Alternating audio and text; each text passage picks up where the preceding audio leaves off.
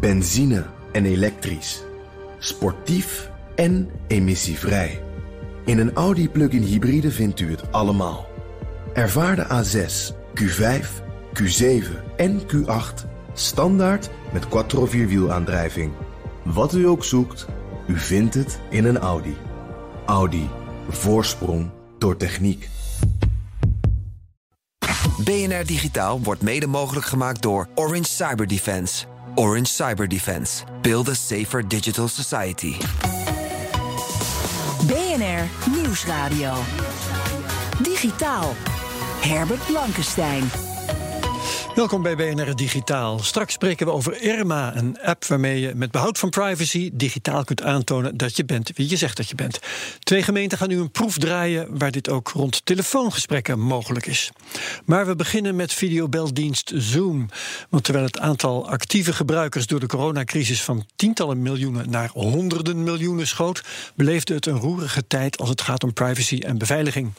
Bedrijven als SpaceX en NASA verbieden het gebruik, net als scholen in New York en overheidsfunctionarissen in Taiwan. Te gast heb ik Ricky Gevers, cybersecurity expert bij Bitdefender. Welkom Ricky. Hi, goedemiddag. Ja, en uh, ik verwacht nog Bart Jacobs, hoogleraar computerbeveiliging aan de Radboud Universiteit en voorzitter van de stichting Privacy by Design.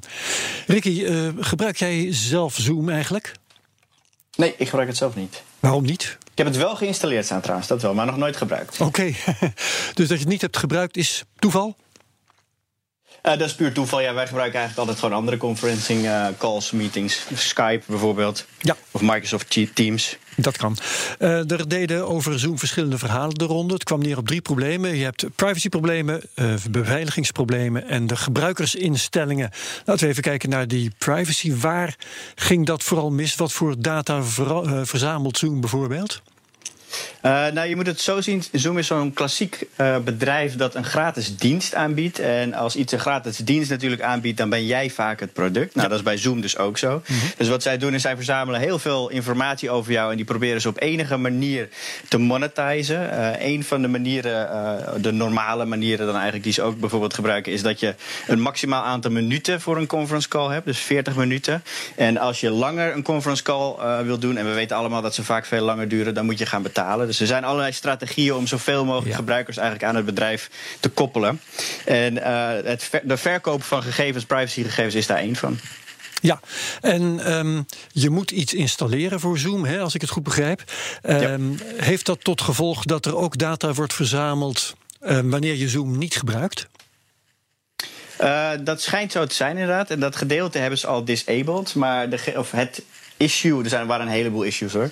Maar een van de issues waar het meest om te doen was, was een login-optie via Facebook. Ja. En op het moment dat je daarmee inlogt, deel je natuurlijk ook al je data met Facebook. En uh, daar was dan controverse over. Uh, maar ik kan jullie vertellen dat een heleboel apps deze optie gebruiken. en het inloggen via Facebook is zelf eigenlijk aan zich natuurlijk een redelijk veilige manier om uh, niet overal je, je, credentials zeg maar, achter te laten.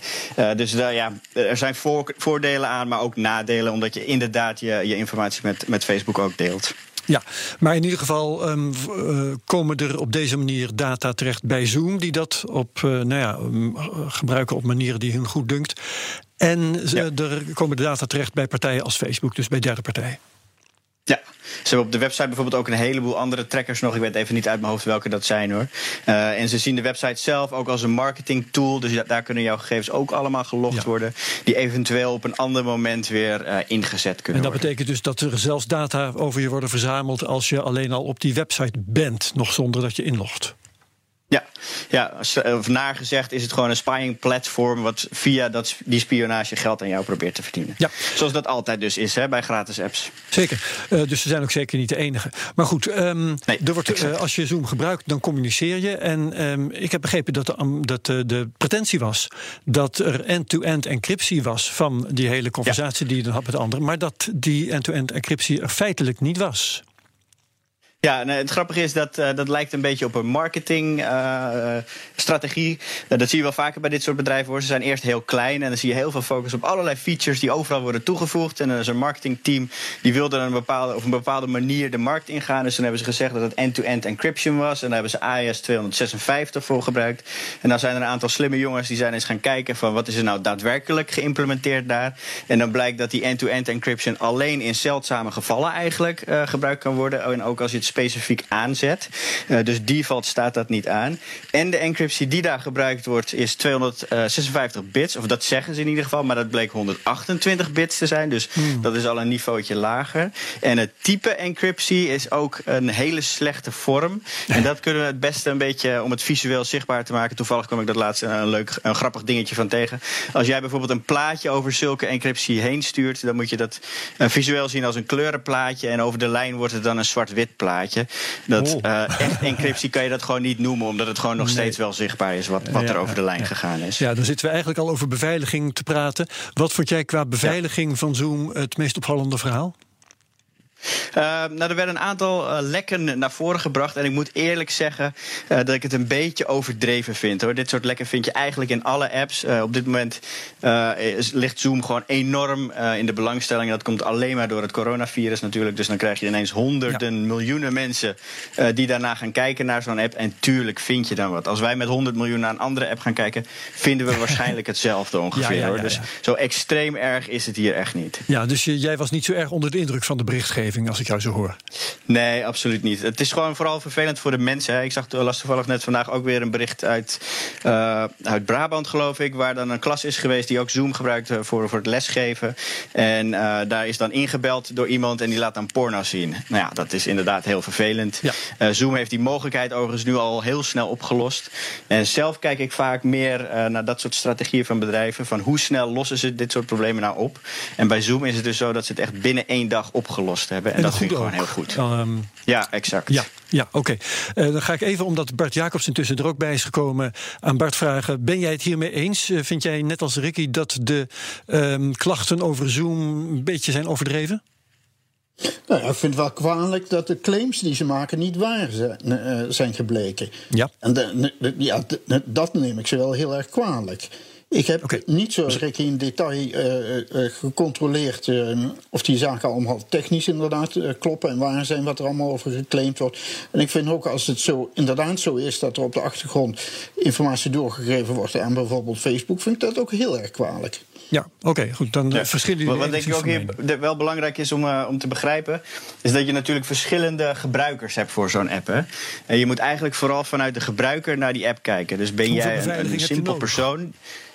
Ja, als jij een simpel persoon bent die een normale meeting houdt zonder vertrouwelijke data, dan is Zoom gewoon echt een prima geschikte app. En dan stellen dit soort kwetsbaarheden vrij weinig voor. Ben jij Boris Johnson, die over deze app uh, een, een ja, belangrijke ja, meeting met allerlei zeer gevoelige gegevens dan moet je het zeker niet doen. En dan zijn het ook zeker wel kwalijke uh, lekken die hierin zitten. Ja, dus dat is, als ik er goed begrijp, Ricky, voor iedereen um, om zelf te overwegen. Ik uh, vertelde bijvoorbeeld, SpaceX en NASA gebruiken Zoom nou niet meer. Ja, is dat dan een verstandige beslissing, ja of nee? Hangt ook een beetje vanaf wat ze ermee deden.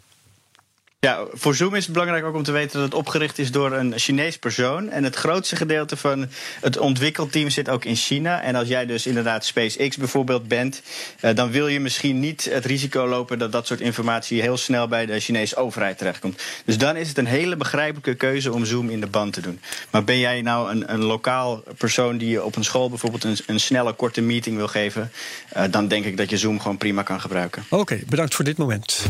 Digitaal. We gaan het hebben over de app Irma. Dat staat voor I Reveal My Attributes van de stichting Privacy by Design. Je belt een instantie, je telefoonprovider, de gemeente of je tandarts en je moet eerst aantonen wie je bent. Dat houdt op. En hoe betrouwbaar is het eigenlijk? Waarom zou iemand anders je postcode en je geboortedatum niet weten die je dan geeft als bewijs dat je bent wie je zegt dat je bent? Waarom kan dat niet digitaal en waarom kan het niet gewoon waterdicht? Het kan met Irma. En Bart Jacobs weet er alles van. Het gaat om digitale authenticatie. Je bent een van degenen die dat heeft helpen ontwikkelen. Wat is Irma en hoe werkt het, Bart? Ja, Irma is ook een app, zoals alles tegenwoordig natuurlijk. Alles is een app, ja. En, en uh, Irma is een app die bedoeld is om uh, uh, online jezelf bekend te maken. Ja. En bekendmaken is, is uh, zeg ik uh, bewust, uh, om, om niet te zeggen te vertellen wie je bent, maar het gaat soms om wat je bent. Bijvoorbeeld, als je online een film wil, wil bekijken, moet je misschien bewijzen dat je boven de 16 of boven de 18 bent. Dan hoef je niet te vertellen wie je bent. En Irma-technologie stelt je in staat dus heel, heel gericht bepaalde kenmerken van jezelf uh, te onthullen. Daarmee hoef je niet altijd uh, noodzakelijk te vertellen wie je precies bent. Ja. Uh, maar afhankelijk van de context van het gebruik laat je bepaalde dingen wel van jezelf zien en bepaalde dingen van jezelf niet. Ja, dus bijvoorbeeld, ik heb een hypotheek nodig, dan ga ik bewijzen hoeveel ik verdien, bijvoorbeeld. En veel uh, andere dingen. Ik hoef niet exact te vertellen hoeveel dat is. Of dat, dat het meer is dan een bepaalde grens. Dat, dat is in dat, geval belangrijk. Dat zou bijvoorbeeld kunnen uh, als je die kenmerken in je app hebt staan van wat ongeveer de grenzen van je salaris uh, uh, zijn van de, je vastgestelde inkomen. Dan kun je dat aan je hypotheekleverancier laten zien. En kan dat voldoende zijn om een risico-inschatting te maken. Ja, en dat gaat nu worden toegepast bij de gemeente Arnhem en Nijmegen, begrijp ik. hoe dan precies? Ja, er zijn inmiddels al uh, behoorlijk wat toepassingen van uh, Irma. Maar waar we nu over hebben is een nieuwe eh, toepassing voor geauthenticeerd bellen. En dan hebben we het even over gewoon bellen, niet over videobellen. Mm Dus gewoon bellen, het idee is uh, stel je wil uh, iets vragen aan de gemeente, het is een beetje gevoelig, het gaat bijvoorbeeld over je uitkering of, uh, of iets anders, dan kun je wel opbellen, maar die gemeenteambtenaar die je te spreken krijgt, moet wel zeker weten wie jij bent. Want als die ambtenaar gevoelige gegevens of jouw inkomenssituatie of je uitkering of weet ik wat uh, met een verkeerde persoon deelt, is dat een datalek en is dat een groot probleem. Ja. Maar het vaststellen van identiteit over de telefoon is een groot probleem. Ik begrijp uit als de, de, de van die, teel, uh, uh, die, die belcentra, hè, de, de, je kent het allemaal, ja. hè, die callcentra, hè, dat ze daar gemiddeld per telefoongesprek ongeveer 40% van de tijd kwijt zijn aan het vaststellen wie heb ik eigenlijk aan de lijn. En dan krijg je al die onbenullige vragen van wat is de meisjesnaam van je moeder en Precies, zo. Het is allemaal niet betrouwbaar. Met Irma kan dat beter. Ik zal kort uitleggen hoe het, hoe het werkt. Je, uh, wat er gebouwd wordt is, uh, je gaat naar een webpagina van de gemeente, daar staat een link op van uh, je wil bellen met deze gemeente. Je klikt op die link, je krijgt dan een QR-code te zien, die scan je met je Irma-app. Dan wordt in die app gevraagd, wil je deze dingen van jezelf laten zien? Typisch heeft de gemeente je BSN nodig, of je naam, of, of dat soort dingen. Ja, adres. Als je dan akkoord zegt, je adres bijvoorbeeld. Als je dan akkoord zegt in de Irma-app, dan start automatisch je, je bel-app op de telefoon met je nummer al ingevuld en dan wordt de gemeente gebeld. Aan de andere kant, aan de kant van de gemeente zit een, uh, zo'n callcenter-medewerker en die krijgt op zijn scherm te zien: deze persoon belt. Ja. Deze eh, persoon is er nu aan de telefoon. Ja, um, we hebben in uh, de podcast De Technologie al eerder over gepraat. Het was uh, eind ja. 2018. Ja. Uh, sindsdien zijn er dus verschillende projecten gestart. Beschouw jij Irma nu als doorgebroken of is er nog wat meer voor nodig? Nou, er staat op het punt van doorbreken, laat ik het zo zeggen. Er zijn een aantal toepassingen, met name bij gemeenten, in de zorg, bij verzekeraars. Maar een aantal dingen zijn ook echt nog in ontwikkeling. En ik verwacht de komende, jaar, uh, de komende maanden en de rest van het jaar dat die echte doorbraak gaat komen. En eerlijk gezegd merk je nu rond die coronacrisis dat mensen er veel meer behoefte aan hebben. Dat je toch, ja, ondanks al die, uh, of juist bij die digitale communicatie, af en toe wel even moet weten wie heb ik nu aan de andere kant van de lijn. Ja, als je niet echt aan de balie staat en uh, het allemaal digitaal. Uh, Ricky Gevers luistert mee, beveiligingsexpert. Oh ja. Sorry, ja, even Ricky Gevers. Ken, kende jij Irma, zeker, Ricky? Zeker. Ja, ik ken het van twee jaar geleden inderdaad. Oké, okay, um, doe je er wat mee? Nee, nee, dat niet. Nee, het, is, uh, het is een app over? die we heel erg nodig hebben. Want ja. het, is, het is letterlijk vertrouwen wat, wat het jou geeft. Vertrouwen online. En dat is heel moeilijk. En misschien kun je het lichtelijk vertrouwen of vergelijken met hoe wij uh, vroeger dus met geld online gingen. Dat was ook onvertrouwd. En Bitcoin heeft dat veranderd. En Irma is zo'n app die dat, uh, onze digitale identiteit daarin een verandering kan aanbrengen. In ieder geval. In ieder geval hoe we daarmee omgaan en hoe we dat verifiëren. Ja, ja uh, Bart, in de Tweede Kamer wordt al een hele tijd gedebatteerd over vervangen van DigiD. Hè, en over iets als een digitale kluis waar je data in zit. Bestaat dat op deze manier met Irma eigenlijk feitelijk al? Um, voor een deel. Maar uh, Irma is een soort van kluis op je telefoon. Als je de Irma-app installeert, uh, is die in eerste instantie leeg. En je moet daar allerlei attributen of kenmerken van jezelf eerst ophalen om die in je telefoon te zetten. En soms heb je daar ook DigiD voor nodig om dingen op te halen. Dus uh, Irma is niet een totale vervanger van DigiD. Het bestaat naast bepaalde andere authenticatiemiddelen, om het netjes zo te zeggen. Maar met Irma kun je gewoon veel meer, omdat je allerlei kenmerken in je telefoon kunt verzamelen. En DigiD kan alleen maar met één kenmerk omgaan en dat is je BSN. Oké, dat is helder. Um, we hebben het uh, eerder in deze uitzending gehad over Zoom. Ik begrijp dat jullie met Irma ook werken aan een toepassing die uh, videobellen gebruikt, maar dan wel geauthenticeerd. Leg dat eens uit. Zeker, zeker. Uh, kijk, iedereen is de afgelopen weken aan het videobellen, maar soms heb je gesprekken dat je toch even moet weten wie heb ik nou aan de andere kant van de lijn. Ja, is dat met, met videobellen erg belangrijk? Want dan zie je de ander toch? Ja, Zeker. Laat ik een voorbeeld uit mijn eigen praktijk aan de universiteit uh, uh, noemen. Soms worden nu mondelinge tentamens via een videoverbinding gedaan. En bij sommige ja. vakken zijn er heel veel studenten. En weet je gewoon niet als docent Weet je, eh, eh, wie is nou degene die daar dat tentamen afneemt? Het kan wel zijn dat een, eh, een vriendje van jou zegt van... nou, ik heb dat vak vorig jaar goed gehaald. Ik wil best voor jou dat mondeling tentamen gaan doen. Uh, Gebeurt ook in real life wel, hè? Maar dat, ja, ja, ja. ja, dat kan. Zeker dat probleem doet zich daarvoor. Maar daar is het risico misschien iets groter. En is de drempel iets groter om dit soort dingen te gaan doen. Ik sluit niet uit dat het in de praktijk wel eens gebeurt. Zeker met tweelingen natuurlijk. één eigen tweelingen. Hmm. Maar goed, jullie koppelen eh, Irma dan aan een videobel-app en dan weet eh, de docent of de examinator weet zeker dat het de juiste persoon is. Ja, ja, dus uh, voordat je dat gesprek uh, in kunt gaan, dat gesprek kunt starten, moet je via Irma een aantal dingen van jezelf wil, uh, wil laten zien. Typisch natuurlijk je naam. In zo'n universitaire context moet je je studentnummer even laten zien. Of je e-mailadres ook nog erbij. Ja. Maar in andere gevallen misschien, kun je misschien iets anders gebruiken. Bijvoorbeeld ook een dokter die een videogesprek met een patiënt doet. Niet iedere huisarts kent al zijn patiënten persoonlijk. Zeker in grotere praktijken met veel artsen die ook dingen van elkaar overnemen. Ja. Um, kunnen mensen dit al ergens uitproberen online?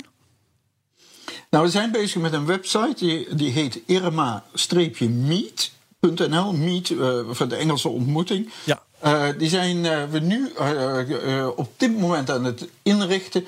En ik verwacht daar de komende dagen op dat het echt aangeboden kan worden en dat het echt gebruikt ook kan. Oké, okay, irma-meet.nl. Herbert Blankenstein. Er wordt eh, intussen gepleit voor apps die contacten bijhouden in de het kader van de coronabestrijding. Er zijn er ook al verschillende. Singapore heeft er een en 130 Europese experts, eh, verenigd in de let op, Pan-European Privacy Preserving Proximity Tracing. In één keer goed. Die willen er eentje gaan ontwikkelen. Um, Bart Jacobs en Ricky Gevers, um, weten jullie al, ik vraag het eerst maar even aan Ricky, want die hebben we het langs niet gehoord. Weten jullie al een app die hiervoor deugt, dus die goed werkt en geen bezwaren heeft? Nee, geen idee.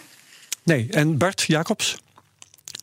Nee, er is uh, daarvoor uh, niet zo'n app. En ik wil er eventjes heel kort op ingaan wat een belangrijk criterium hierbij is. Ja. Want het idee is uh, bij dit soort apps van als je in de nabijheid geweest bent van iemand die uh, uh, besmet is, dan krijg jij een waarschuwing in je app. Maar de grote vraag is: krijg jij alleen een waarschuwing of krijgen autoriteiten ook een waarschuwing? Zeker. Uh, van, van dat jij het bent die in contact bent geweest met een besmette persoon. En juist daar ligt het hele gevoelige privacy-aspect, wat hierover besloten moet worden. Daar heeft minister De Jonge zich nog niet over uitgelaten. Expliciet dat het alleen het individu is. Over het algemeen heeft Nederland zich zo opgesteld van dat de eigen verantwoordelijkheid van de burgers heel groot is. Premier Mark Rutte heeft, eh, spreekt van een volwassen democratie, waarbij dingen aan mensen zelf overgelaten uh, moeten worden. Dus die apps moeten ook zo ingericht worden, vind ik, dat die decentraal werken, zoals dat heet. Alleen, alleen de betrokkenen zelf krijgt ervan eh, te weten. Zodat niet het risico bestaat dat dit soort apps gebruikt worden om de hele bevolking in kaart te brengen wie zich waar op welk moment bevindt. Ja, maar je kunt toch wel zeggen dat het het meest effectief zou zijn als de overheid wel, hè, want zo gaat het dan, als ik het goed begrijp, in sommige Aziatische landen, wel de informatie krijgt: deze persoon is in contact geweest met en die gaan we ophokken, zeg maar. Ehm, is dat per definitie fout? Dat waag ik nou, dat waag ik te betwijfelen. Want als al die gegevens aan de overheid doorgegeven worden, zijn er misschien veel minder mensen die die app installeren. Ah, ja, dat is een, dat is een sterke. Want dat is wel interessant, ja. Want in een eerdere aflevering van Digitaal hadden we het hier al over. En toen was er uh, een van onze gasten die zei: Dit gaat toch niet werken. Um, want er zijn verschillende eh, effecten natuurlijk. Minstens 60% moet hem gebruiken, begrijp ik. En als je medewerking wordt bestraft met een mogelijke quarantaine, dan hebben mensen daar natuurlijk minder zin in. Dus. Um, ja, hoe, hoe, je zou bij wijze van spreken willen kunnen uitrekenen wanneer zo'n app het, best, het meeste effect heeft. Hè? Misschien kan ik hier even op inhaken. Ricky Gevers. Ik, ja, ik, uh, ik had even gekeken naar die persconferentie van, van minister De Jonge en de app-developer die ze daarvoor uh, wil, willen gebruiken. Uh, laat even duidelijk zijn, je kunt pas er iets over zeggen als die app er is natuurlijk hoor. Maar wat over het design, dat is uh, het framework een beetje uitgelegd toen hoe dat werkt. En wat ze willen doen, of hoe ik het begrijp in ieder geval, is dat ze Bluetooth daarvoor willen gebruiken. En dat leent zich heel goed, want Bluetooth werkt tot ongeveer 10 meter. Dus je kan heel goed met jouw telefoon in kaart brengen welke andere Bluetooth-devices er in de buurt van jou zijn. Je kan er dan voor zorgen dat zo'n Bluetooth-device een uniek ID uitzendt. Dus jouw lokale telefoon kan er keurig bijhouden uh, welke andere Bluetooth-devices in de buurt zijn geweest. En stel dat jij dan dus corona hebt gekregen dan wordt jouw ID gepubliceerd. Die app kan dan zien welke ID's er corona hebben gehad. En lokaal kan jij dan zien in jouw lokale database dus of jij contact bent, uh, of in contact bent geweest met die persoon. Dat die persoon in jouw buurt is geweest. En dat principe kan denk ik heel goed werken, mits natuurlijk de adoptiegraad groot genoeg is. Ja, jij daarmee eens, Bart Jacobs? Zeker, het principe ben ik helemaal mee eens. Uh, al die ID's waar Rick het over heeft, die moeten wel goed versleuteld zijn. En die moeten iedere keer anders versleuteld uitgezonden worden door die app, zodat je daarmee niet getraceerd kan worden. Daar zijn allemaal moderne cryptografische technieken voor om dat netjes en goed te regelen. Maar die moeten wel gebruikt worden en daar moet de minister een uitspraak over doen. En wat misschien interessant is om even uh, te melden, ik ben vandaag bezig uh, geweest uh, aan een verklaring hierover van een aantal uh, deskundigen op dit gebied. Die wordt later vanmiddag gepubliceerd door Bits of Freedom, waarin een aantal van dit soort principes gewoon op een rijtje wordt gezet. Zo en zo uh, moeten dit soort dingen netjes werken als hiervoor draagvlak onder de bevolking wil. Ja, en dan is dus uh, dat het decentraal werkt, is, uh, is één, één eis. Is dan bijvoorbeeld ook een eis dat het open source is? Dat iedereen die daar de ja. achtergrond voor heeft, dat hij goed ja. kan zien hoe het werkt? Zeker, natuurlijk zal niet de hele bevolking dat na kunnen kijken, maar als het open source is, dan kunnen een aantal specialisten dat doen. Uh, daarmee kan duidelijk worden dat er in die app geen verborgen achterdeurtjes zitten, waardoor er stiekem toch informatie of naar Facebook of naar de overheid of naar wie dan ook uh, gestuurd worden. Oké, nou uh, interessant. We zien de verklaring hierover van Bart Jacobs en consorten uh, graag tegemoet. bedankt Bart Jacobs van de Radboud Universiteit. Bedankt ook Ricky Gevers, cybersecurity expert bij Bitdefender. Tot zover BNR Digitaal. BNR Digitaal kun je terugluisteren via bnr.nl, via onze app of waar je ook maar naar je podcast luistert. En in de podcasting platforms vind je ook mijn andere podcasts: De Cryptocast, De Technoloog en Space Cowboys. Tot ziens bij die apps of anders heel graag tot volgende week bij BNR Digitaal. Dag. BNR Digitaal wordt mede mogelijk gemaakt door Orange Cyber Defense. Orange Cyber Defense. Build a safer digital society. Benzine en elektrisch. Sportief en emissievrij. In een Audi plug-in hybride vindt u het allemaal. Ervaar de A6, Q5, Q7 en Q8 standaard met quattro vierwielaandrijving. Wat u ook zoekt, u vindt het in een Audi. Audi. Voorsprong door techniek.